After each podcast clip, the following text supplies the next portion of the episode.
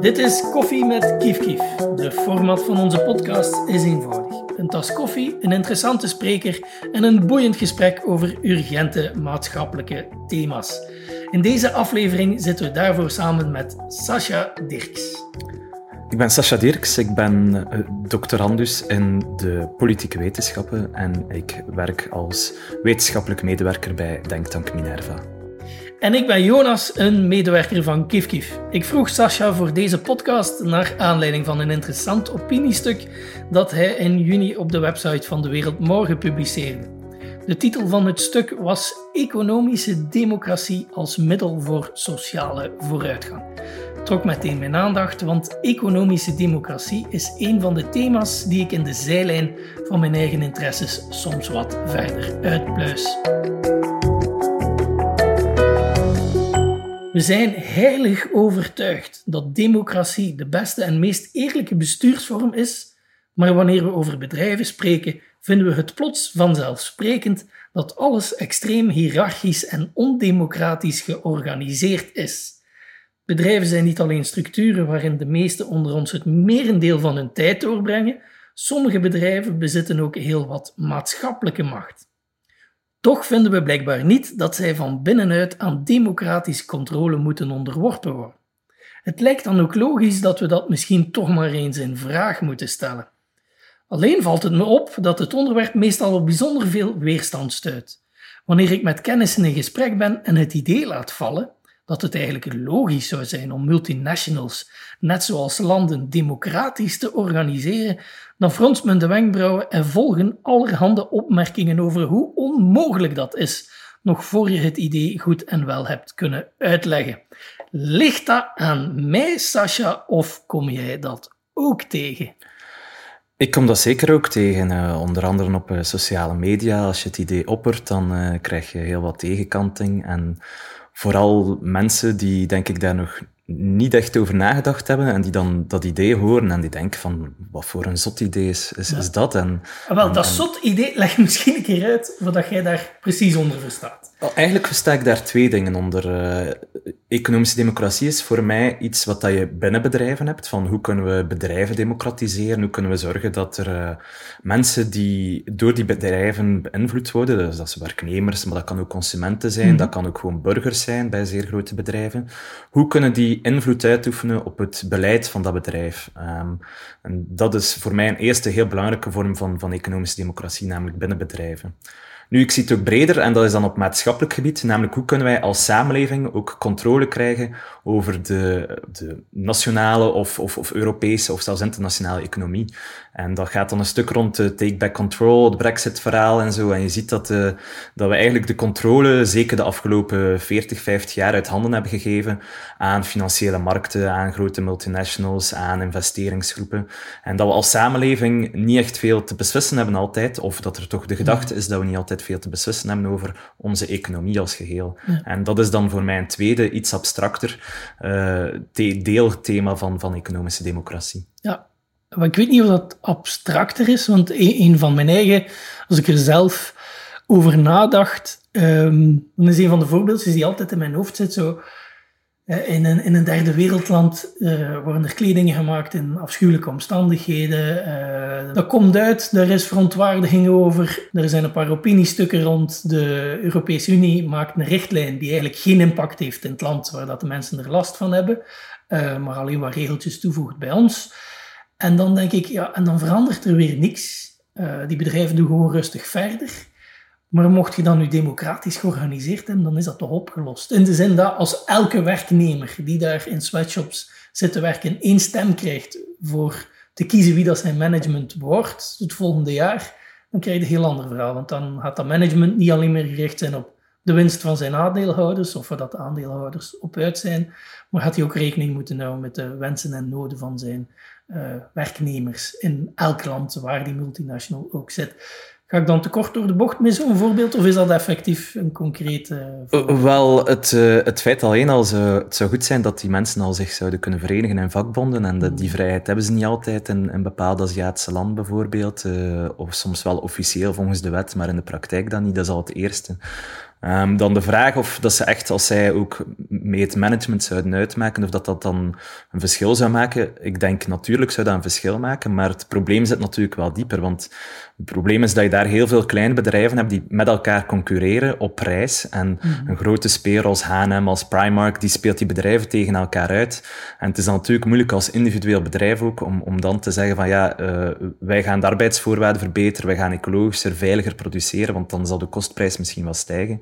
En dan zal dat grote bedrijf, H&M, Primark, wat dan ook, zal dan zeggen ja, oké, dan gaan we naar een van jullie concurrenten. Dus het is, het is natuurlijk, binnen een individueel bedrijf kan het een verschil maken, maar het moet ook, moet ook groter bekijken en ook, ook meer het systeem bekijken van concurrentie. Zelf natuurlijk, en, maar het systeem is gelijk gebouwd op, um, op concurrentie enzovoort. En waar ik van verschoten ben, als ik een beetje, ik zeg niet dat ik een expert ben, lang niet in het onderwerp, maar het beetje dat ik ervan gelezen heb, onder andere bij mensen, like uh, Noam Chomsky schreef er soms wel over, is dat in de 19e eeuw veel normaler was. Uh, eind de 19e eeuw, communisme kwam op, socialisme kwam op en, en men dacht over van alles na. Maar dat was niet gewoon een verdere democratisering van de samenleving, maar de standaardtheorie ging ervan uit, ja, maar alles wordt gedemocratiseerd, wat mhm. dan de structuur is. En dus ook de werkplek. Alle werkplekken zijn in handen van de arbeiders enzovoort. Mm Dat staat zo haaks, wat men toen dacht, 100 jaar geleden, op wat dat het systeem vandaag is.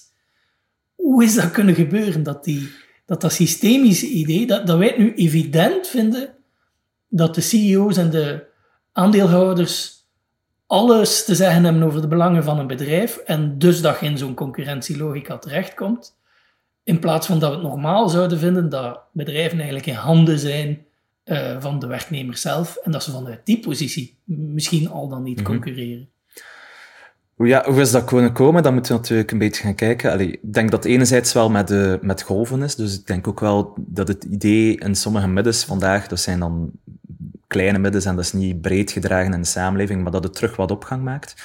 Maar um, ja, dat is een beetje volgens mij de evolutie natuurlijk van, van, van het socialisme, zeker in het Westen, waar dat je ziet dat ze gaan van, uh, van, van een nog min of meer revolutionair perspectief van, van we moeten breken met kapitalisme, naar, zeker na de Tweede Wereldoorlog, maar eigenlijk al ervoor, naar meer van we moeten het kapitalisme omvormen en proberen socialer te maken, meer aanvaardbaar te maken. En dan, zeker na de Tweede Wereldoorlog, heb je de opbouw van de welvaartsstaat. En heb je een soort deradicalisering, zal ik maar hmm. zeggen, van, van, van het socialisme. En dan maar die deradicalisering, tot, uh, onlangs had ik daarover uh, over gelezen of gehoord in een gesprek, weet het niet meer uh, was het idee van, ja, die was er, bij ons vooral, in Europa, uh, in Amerika is dat wel wat anders, maar die was er omwille van de dreiging van het communisme.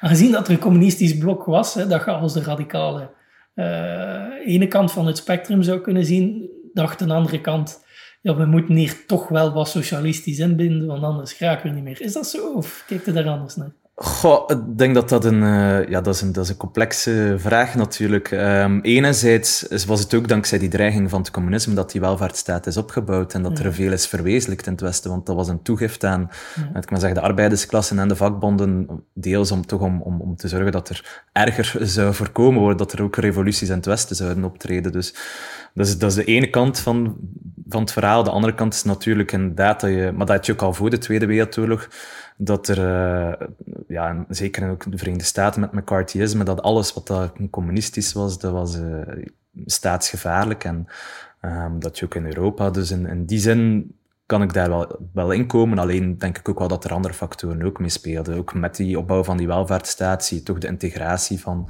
van socialisten in, in, in de nationale kapitalistische staat, zal ik maar zeggen. En ook al ervoor had je eigenlijk al veel ja, kopstukken van politieke partijen die in plaats van echt revolutionair perspectief overgingen naar een reformistisch perspectief van we doen het geleidelijk via parlementaire weg. En de uiteindelijke doel is nog altijd een, het kapitalisme overstijgen, maar dan stilaan verdween dat uiteindelijke doel en ging mm. denken nog om hervormingen zonder dat uiteindelijke doel, denk ik. Ja, in uw artikel op De Wereld Morgen noemt je dat sociale pact dat onderhandeld is. Mm -hmm. En heb je het ook wel over het feit dat de, de, de grote bedrijven van onder dat sociale pact zijn kunnen onderuit muizen. Mm Leg een keer wat specifieker toe, want in het artikel hadden daar kort ja. over. Het sociaal pact is eigenlijk gesloten in 1944 eh, in België dan, maar je hebt in heel wat landen gelijkaardige sociale pacten. En dat was een pact tussen, uh, tussen vakbonden en werkgeversorganisaties in de eerste plaats, soms met regeringen ook natuurlijk. Um, en de bedoeling daarvan was om een gelijkaardige situatie als de jaren dertig, die leidde tot de Tweede Wereldoorlog, tot fascisme, om, om dat een beetje te vermijden. Nu, dat was een afspraak, grotendeels, die neerkwam op het volgende. De arbeidersklasse zou delen in de economische groei, zou loonstijging krijgen, zou sociale zekerheid, zou een welvaartsstaat krijgen. Enerzijds, dus als een toegift aan, aan de arbeidersklassen en de vakbonden. Anderzijds zouden die arbeidersklassen en die vakbonden niet meer het eigendomsrecht in vraag stellen. Dat betekent de beslissingen van de aandeelhouders, van de grote investeerders, die beslissingen over die bedrijven, zouden de arbeidersklasse aan die, aan die aandeelhouders en aan die managers dan laten. Dus ze gaven eigenlijk, ze kregen het ene, namelijk die welvaartsstaat, en in ruil zeiden van oké, we gaan niet meer over, over dat, daarover gaan we niet meer strijden. dat was natuurlijk altijd, dat was een pact dat ook nooit volledig, langs twee kanten heb je daar altijd wel strijd rond gehad. Dus, uh, en zeker ook bijvoorbeeld in de jaren zestig had je nog wel bij het ABVV ook uh, rond arbeiderscontrole en dergelijke, uh, had je toch ideeën die er waren om, om, om ook die kant van het sociaal pact in vraag te stellen. Maar um, dat sociaal pact is dan tot in de jaren zeventig heeft dat wel stand gehouden. En dan is dat stilaan, stilaan meer en meer uitgehold. En uitgehold, wat bedoelde dan? Want dat is wat je nu artikel ja. naar verwijst. Hè? Ja. Het, is, het, is, eigenlijk ene kant van het mhm. pact. Of één partij heeft er zich wat van onder gemuist. Ja, wel wat dat je ziet is in de, in de, vooral in de jaren zestig dat je heel wat contestatie ziet van dat sociaal pact van, van uh, linkse progressieve en radicale bewegingen. Um, onder andere de arbeidersklasse, met, ook met mei 68 toch, uh, ook dan in, uh, in, in, de kolonies had je dan de decolonisatie, ook de, in de jaren 70 dan nieuwe internationale economische orde, zoals dat noemt, eigenlijk ontwikkelingslanden die de dominantie van het Westen niet meer wilden aanvaarden. En uh, in de Verenigde Staten had je dan de Civil Rights Movement en zo dergelijke meer. En al die bewegingen, die waren eigenlijk toch ja, die, die, die kanten eigenlijk het kapitalisme en het bestaanssysteem, ze, ze bevechten die op de een of andere manier, um, of, of ze strijden daartegen. Um, en dan heb je, nu, je moet het allemaal niet zien als een complottheorie, maar vaak is dat door toeval zo gekomen. Maar je hebt dan echt de mondialisering gehad, het begin van de mondialisering. Um, in, de, begin jaren zeventig met de oliecrisis, daarna ook het loslaten van, van het Keynesianisme een beetje. De opkomst van het neoliberalisme, zoals dat dan noemt, met de meer ideeën van Milton Friedman, Hayek en zo. Uh, die, die opgang maakt. Dan heb je Thatcher, Reagan, Pinochet en zo gehad. Um, en eigenlijk dat sociaal pact was toen niet meer houdbaar. Um, langs twee kanten. Enerzijds, ook, dat blijkt uit cijfers, daalden de winsten van, van de bedrijven.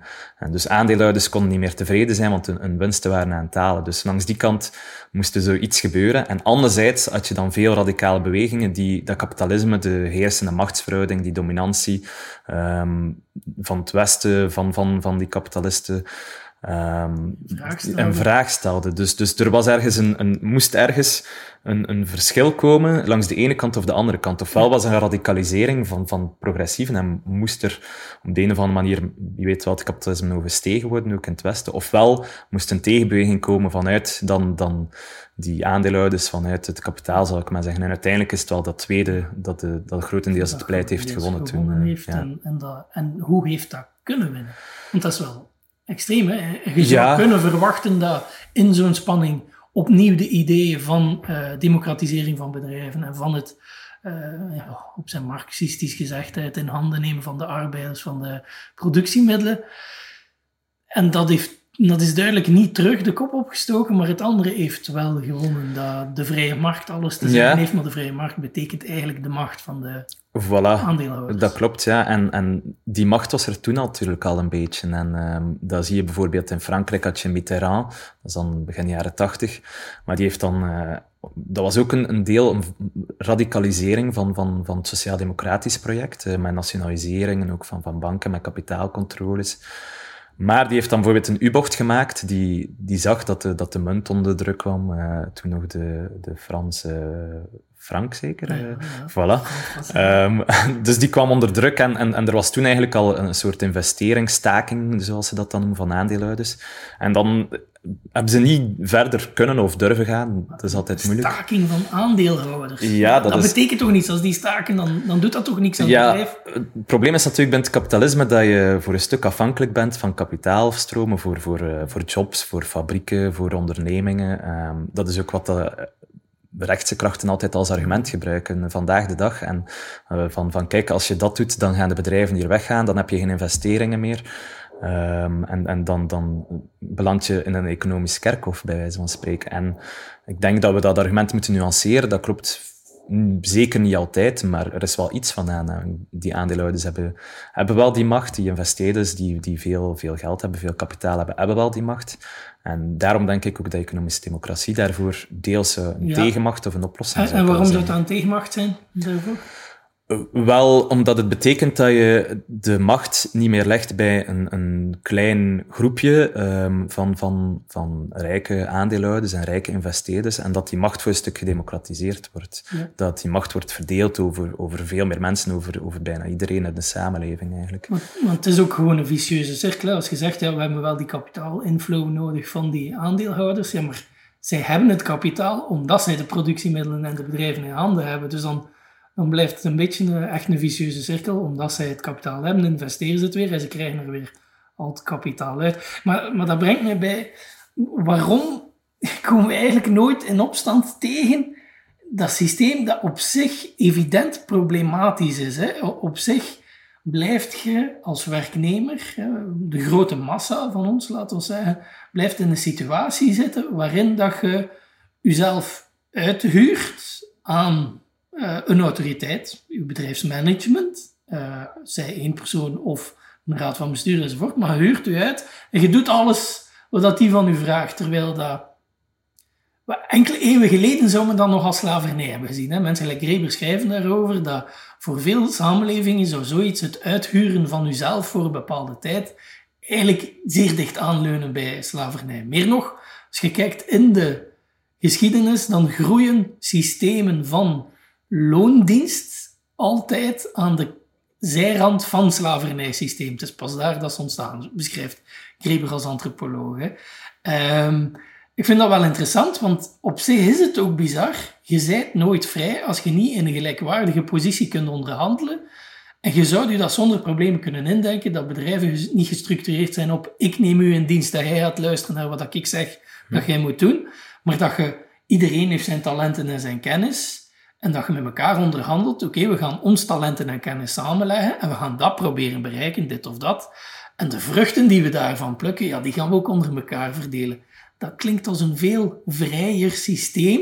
En dus ik vind het raar dat we ons collectief gelijk daar geen vraag bij stellen. Mhm. Hoe kan dat nu, terwijl dat, dat evident is dat het ene systeem autocratisch, despotisch is, het andere democratisch en vrij, en dat we toch gelijk daar maar in meelopen. Zo. Wat, Marx zou natuurlijk zeggen, de heersende ideeën zijn de ideeën van de heersende klasse. Ehm, dat is dan een marxistisch standpunt. Nu, ik denk dat het ook wel, wel, wel complexer is dan dat. En veel mensen ja, aanvaarden gewoon de bestaande situatie als, als natuurlijk en, en beschouwen dat als een natuurlijk fenomeen. En bijvoorbeeld, uh, heel veel mensen stellen zich geen vraag bij het feit dat het kapitalisme zelf nog maar uh, een goede 200 jaar uit is uh, en, en dateert uit het einde van, van de 18e eeuw. En zien dat als een systeem dat altijd bijna heeft bestaan en er ook altijd zal zijn. En Um, ja, mensen zijn ook vaak bezig gewoon met, met overleven. Um, en, en soms een, een, een, echt een specifieke zin overleven van gewoon uh, de dag doorkomen en kunnen eten kopen. Of ook gewoon ja, de, een, een leven leiden en, en, en proberen er zoveel mogelijk plezier in hebben. En, en... Bedoel dat ze geen tijd hebben om het... Uh...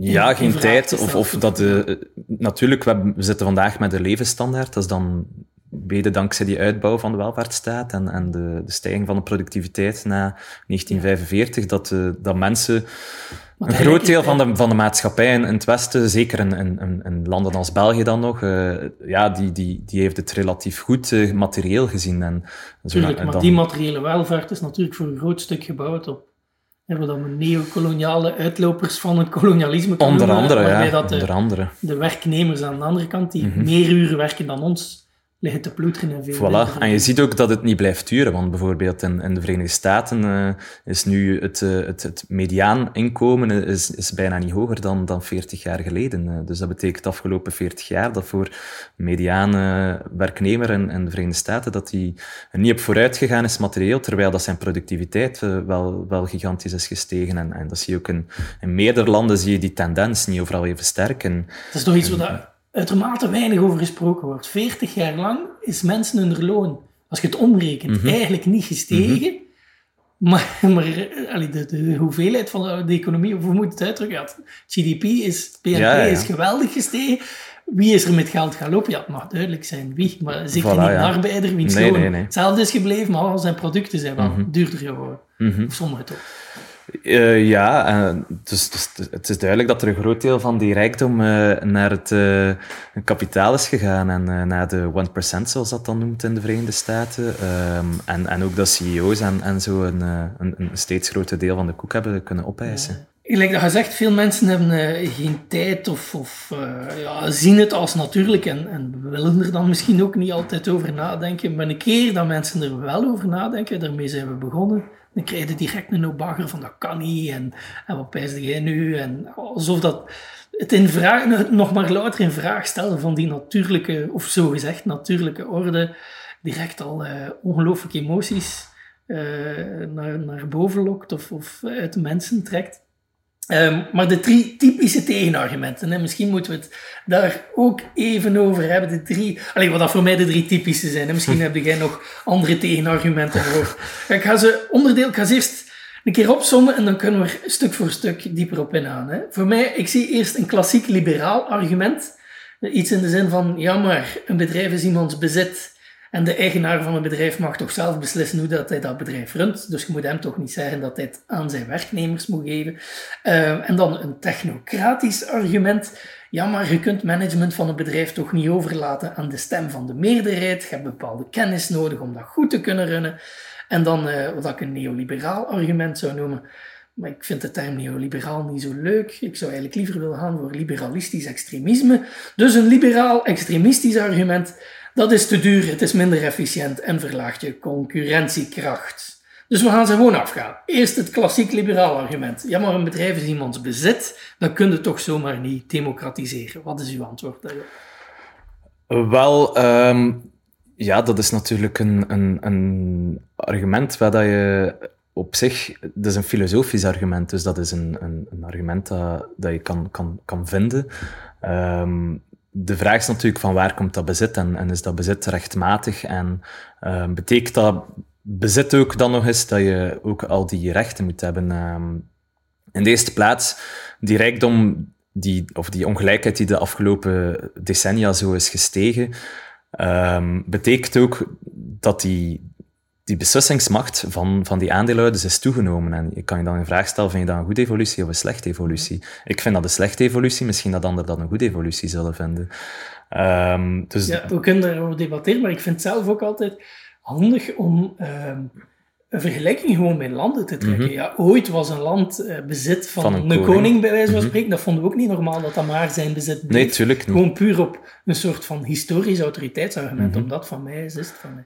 Ja, voilà. En ik, natuurlijk ook wat dat dan een tweede argument is, is dat uh, heel veel mensen hebben veel meer te verliezen of te winnen bij hoe dat een bedrijf draait en hoe dat het werkt dan die ene aandeelhouder of die ene kapitalist die, die vooral zijn kapitaal daarin steekt uh, en, en die dat misschien heeft verliezen. Maar voor sommigen is dat een, een, een dagelijks brood.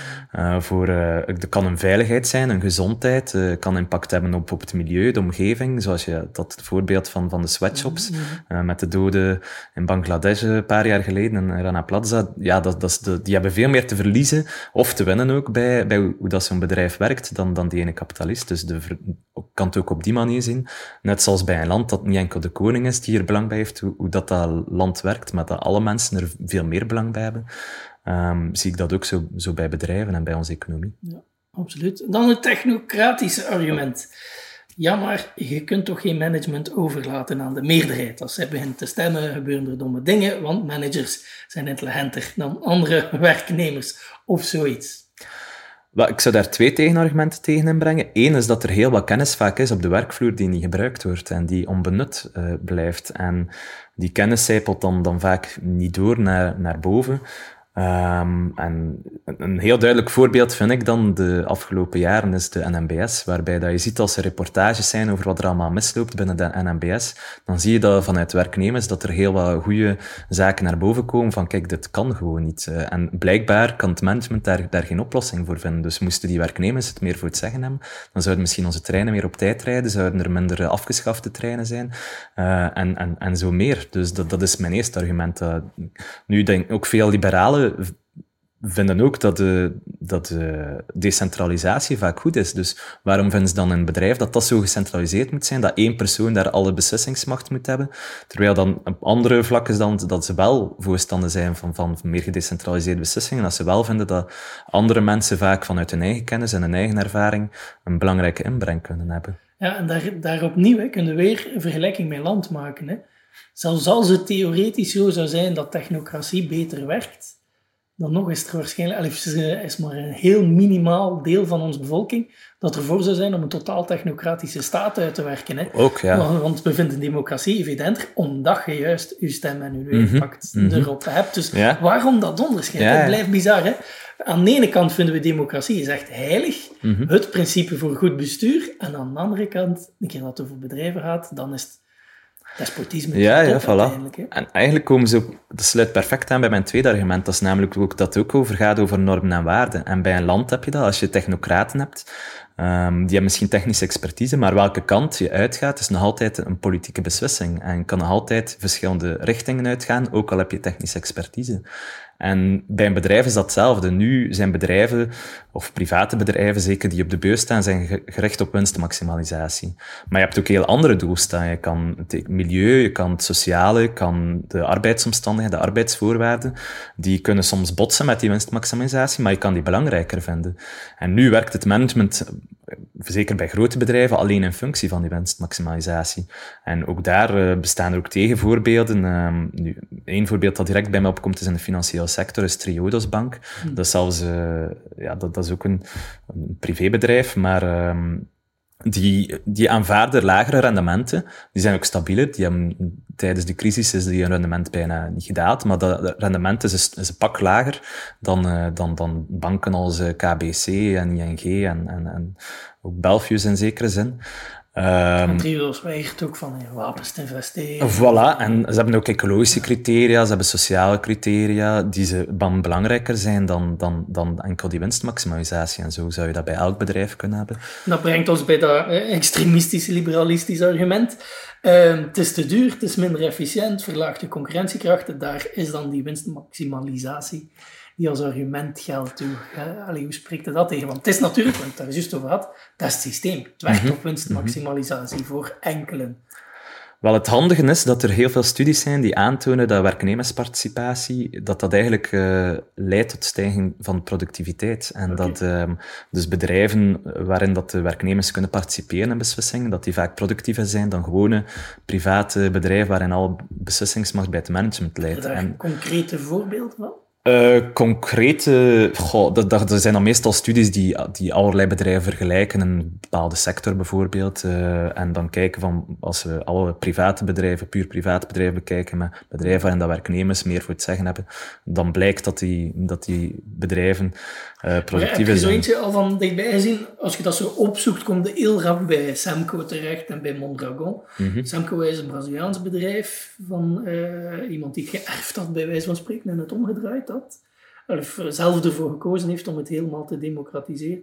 En Mondragon is een soort coöperatieve die zich democratisch... Mm Maar het is een van de grootste bedrijven in Spanje. Ik weet niet of dat een van die twee of een ander bedrijf van binnenuit kent, waar dat experimenten gebeurd zijn. Van binnenuit nu niet echt. Nu, ik heb al over Mondragon heb ik wel al wat gelezen en... Uh, en Um, inderdaad, Mondragon heeft ook al doorheen de jaren uh, overleefd. Uh, en, en eigenlijk, want dat is dan wel zo, is dat dat bedrijf opereert in een soort vijandige omgeving.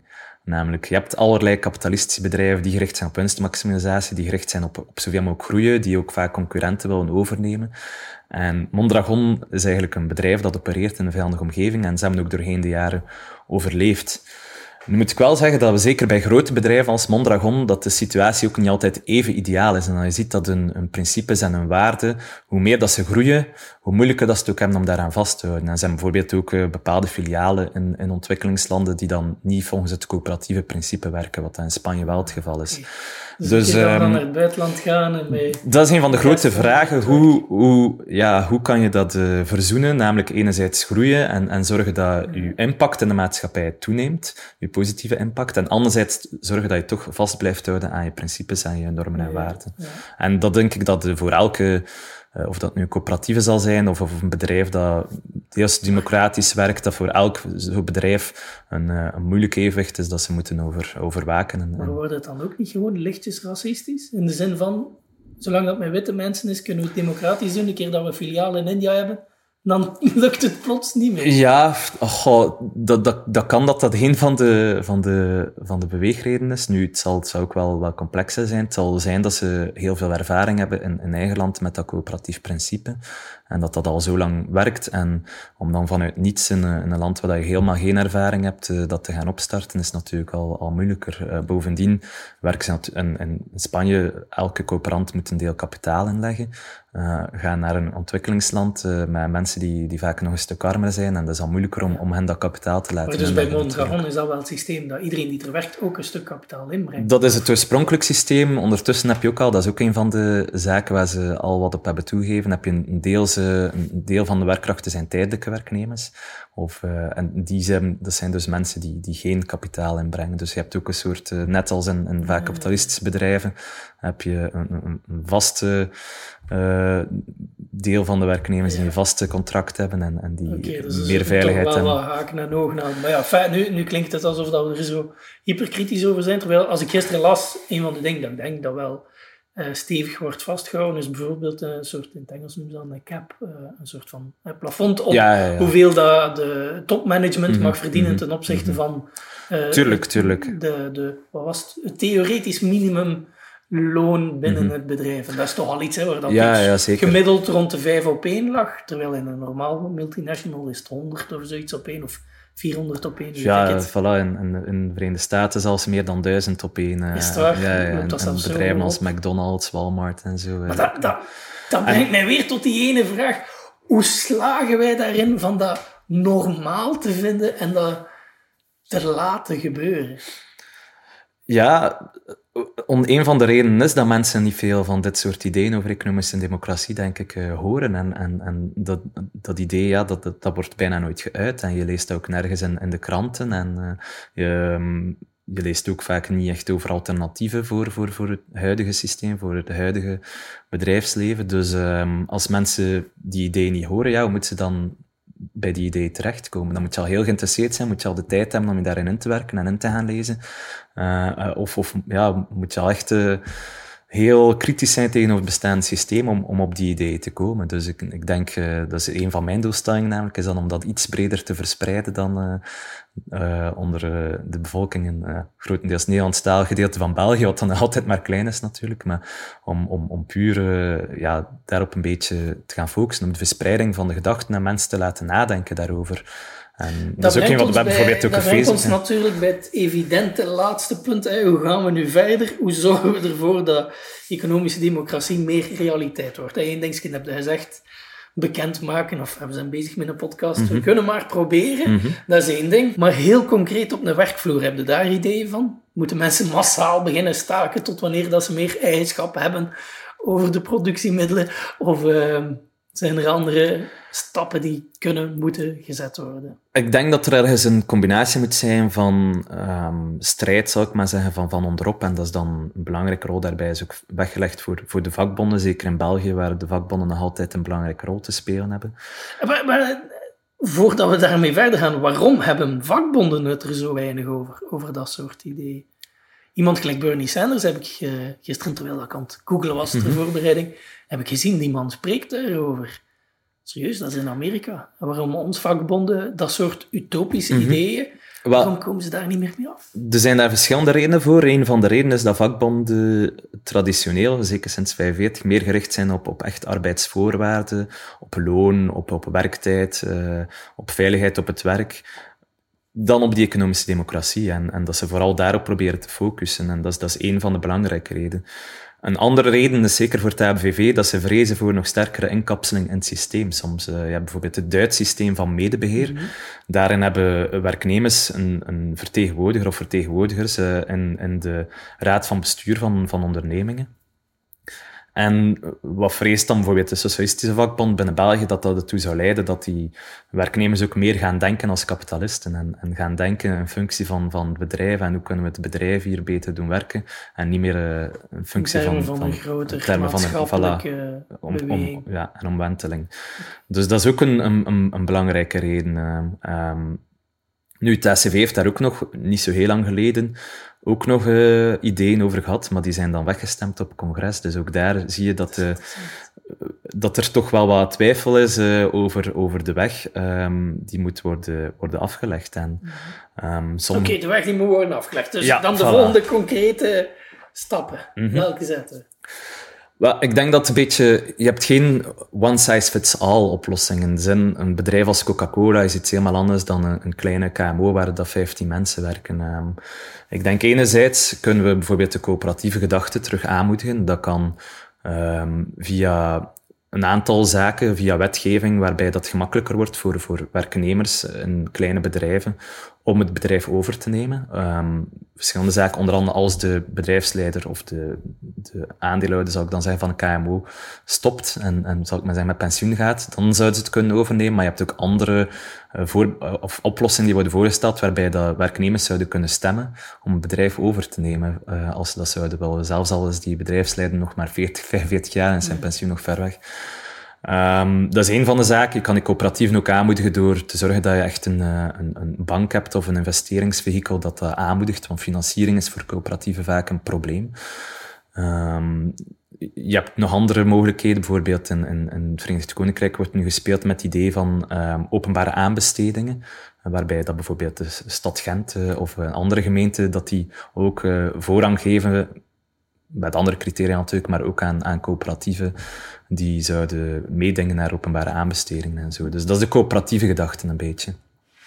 Maar moeten we ook niet gewoon hier en daar wat mensen meer aanzetten tot serieuze stakingen en zo? De, de klassieke, de klassieke uh, hoe moet dat zeggen, geweldloze strijd uh, en de middelen die daartoe zijn. Want een voorbeeldje daar het gaat over iets anders. Het gaat over bullshit jobs. David Draper zijn laatste boek. Maar hij beschrijft daarin een voorbeeld van een bedrijf, een, een theebedrijf in Frankrijk. Dat ze van die, noemt dat, infusie maakt, van die kruidenthees. Mm En dat het bijzonder goed deed.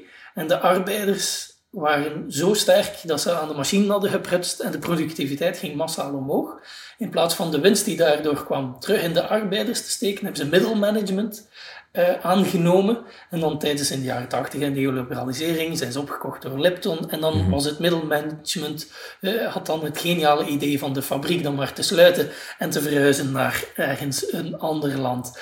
Um, waarop dat de, de werknemers werkelijk de fabriek hebben bezet. En ze zijn erin geslaagd, middelmanagement buiten, of volledig management buiten. Ze hebben gewoon de fabriek overgenomen.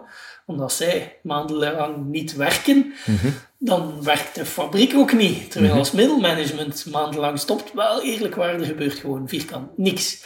Dus is, is dat niet, niet ergens iets dat ook gewoon meer moet getoond worden aan, aan werknemers? Ik ga zelfs niet eens arbeiders zijn, maar echt mm -hmm. werknemers in breed van, jongens, jullie doen het werk en die die, die twintig lagen tussen u en dat topmanagement. En dat topmanagement uiteindelijk doet ook niet zoveel werk.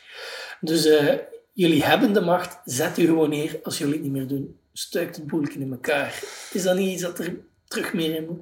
Ja, dat is een soort vorm van klassebewustzijn creëren, ja. zou ik dan zeggen. En, maar dat bewustzijn ont, ontstaat vaak ook door sociale strijd. En het is door, door dat de werknemers zich verenigen en zien van, kijk, we kunnen collectief dingen veranderen, dat die, ook dat bewustzijn wordt versterkt. En dat is een soort, ja, ook vicieuze cirkel waar dan je moet geraken, die je bijvoorbeeld hebt gehad in, in, in mei 68, denk ik. Maar je zit natuurlijk ook met een heel machtig systeem, um, waartegen dat je dan, dan strijdt, zal ik maar zeggen. Het kapitalisme is, is, een, is een machtig systeem, uh, om verschillende redenen. Uh, heeft ook al heel veel crisissen doorstaan en toch overleefd. Dus um, het is ook niet zo simpel, denk ik, om gewoon maar te zeggen van kijk, we moeten meer stakingen hebben en, en, en dan gaan we, kunnen we de bedrijven over democratiseren. En, en dat gaat vanzelf. Zeker niet als je het dan bij individueel bedrijven blijft. Want vaak heb je dan voorbeelden van individuele bedrijven die worden overgenomen. Zeker ook bijvoorbeeld in Argentinië heb je na de crisis 2001 heel veel bedrijven die zijn overgenomen. Maar die zitten dan opnieuw in zo'n vijandige omgeving waar dat moeilijk is om financiering te krijgen, waar dat je moet concurreren tegen winstmaximiserende bedrijven die de kosten zo laag mogelijk houden. Dus ergens moet je een soort vicieuze cirkel krijgen waarbij dat van onderop en verandering binnen bedrijven, ook verandering binnen uw maatschappij, uw wetgeving, uw systeem, teweeg brengt die dan opnieuw die verandering binnen individueel bedrijven aanmoedigt. Maar heb je er hoop in, op zijn minst, dat kan? En opnieuw gaan vergelijkingen maken bij landen. Het kan natuurlijk lang duren. Ik bedoel, het democratisch proces, ik wil zeggen het democratiseren van, van landen en, en staten, mhm. heeft misschien wel enkele eeuwen geduurd om, om serieus mhm. te gebeuren. Denkt u dat dat eenzelfde tijdsperiode is die we nu moeten inschatten, van strijd tot wanneer dat zoiets gedemocratiseerd geraakt? Of uh, denkt dat dat raper kan? Ik denk dat de invloed van, van ik zal ze maar neoliberale ideeën noemen, en van, van ideologie heel sterk is in hoe dat mensen vandaag, vandaag denken. En, uh, en zoals je al zelf zegt, van waarom komen mensen toch niet in opstand tegen dat systeem? Die gedachten zijn, zijn heel breed gedragen in onze maatschappij, ook zeker ook bij media. Um, en, en om dat te veranderen is er wel, ja, zal er wat tijd nodig zijn. Je kan dat niet op 1, 2, 3. Volgens mij moet je eerst de heersende ideeën in vraag stellen. En je kan dat doen met nieuwe ideeën altijd uit. Maar voordat die nieuwe ideeën echt concreter worden uitgewerkt, moeten mensen um, enerzijds beseffen dat wat vandaag bestaat, dat dat niet per se eeuwigdurend is en dat andere manieren mogelijk zijn. Dus ik denk dat het wel een kwestie van tijd is. Nu, wat dat mij hoopvol stemt, dat is dat je in bepaalde landen vaak landen waar het voor werknemers nu slechter is, dat er meer daarover wordt nagedacht. En het beste voorbeeld is dan de Labour Party in, in het Verenigd Koninkrijk en, en, alles daar rond.